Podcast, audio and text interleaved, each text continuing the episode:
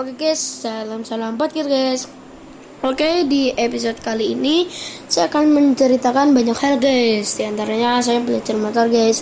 Saya belajar motor itu di usia 11 tahun guys, kalau nggak salah. Nah, saya tuh pertama kali diajarin oleh om saya guys. Nah, om saya tuh ngajarinya yang pertama tuh cara menyeimbangkan motornya dulu guys. Kalau belum seimbang kan susah ya guys. Nah habis itu om saya mengajarkan uh, cara mengegasnya guys agar cara mengegasnya.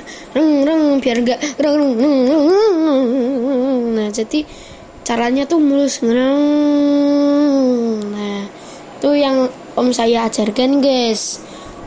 Bermanfaat sekali kan guys Oke, jika kalian ingin mendengarkan cerita-cerita yang menarik, jangan lupa kunjungi podcast saya, guys. Thank you.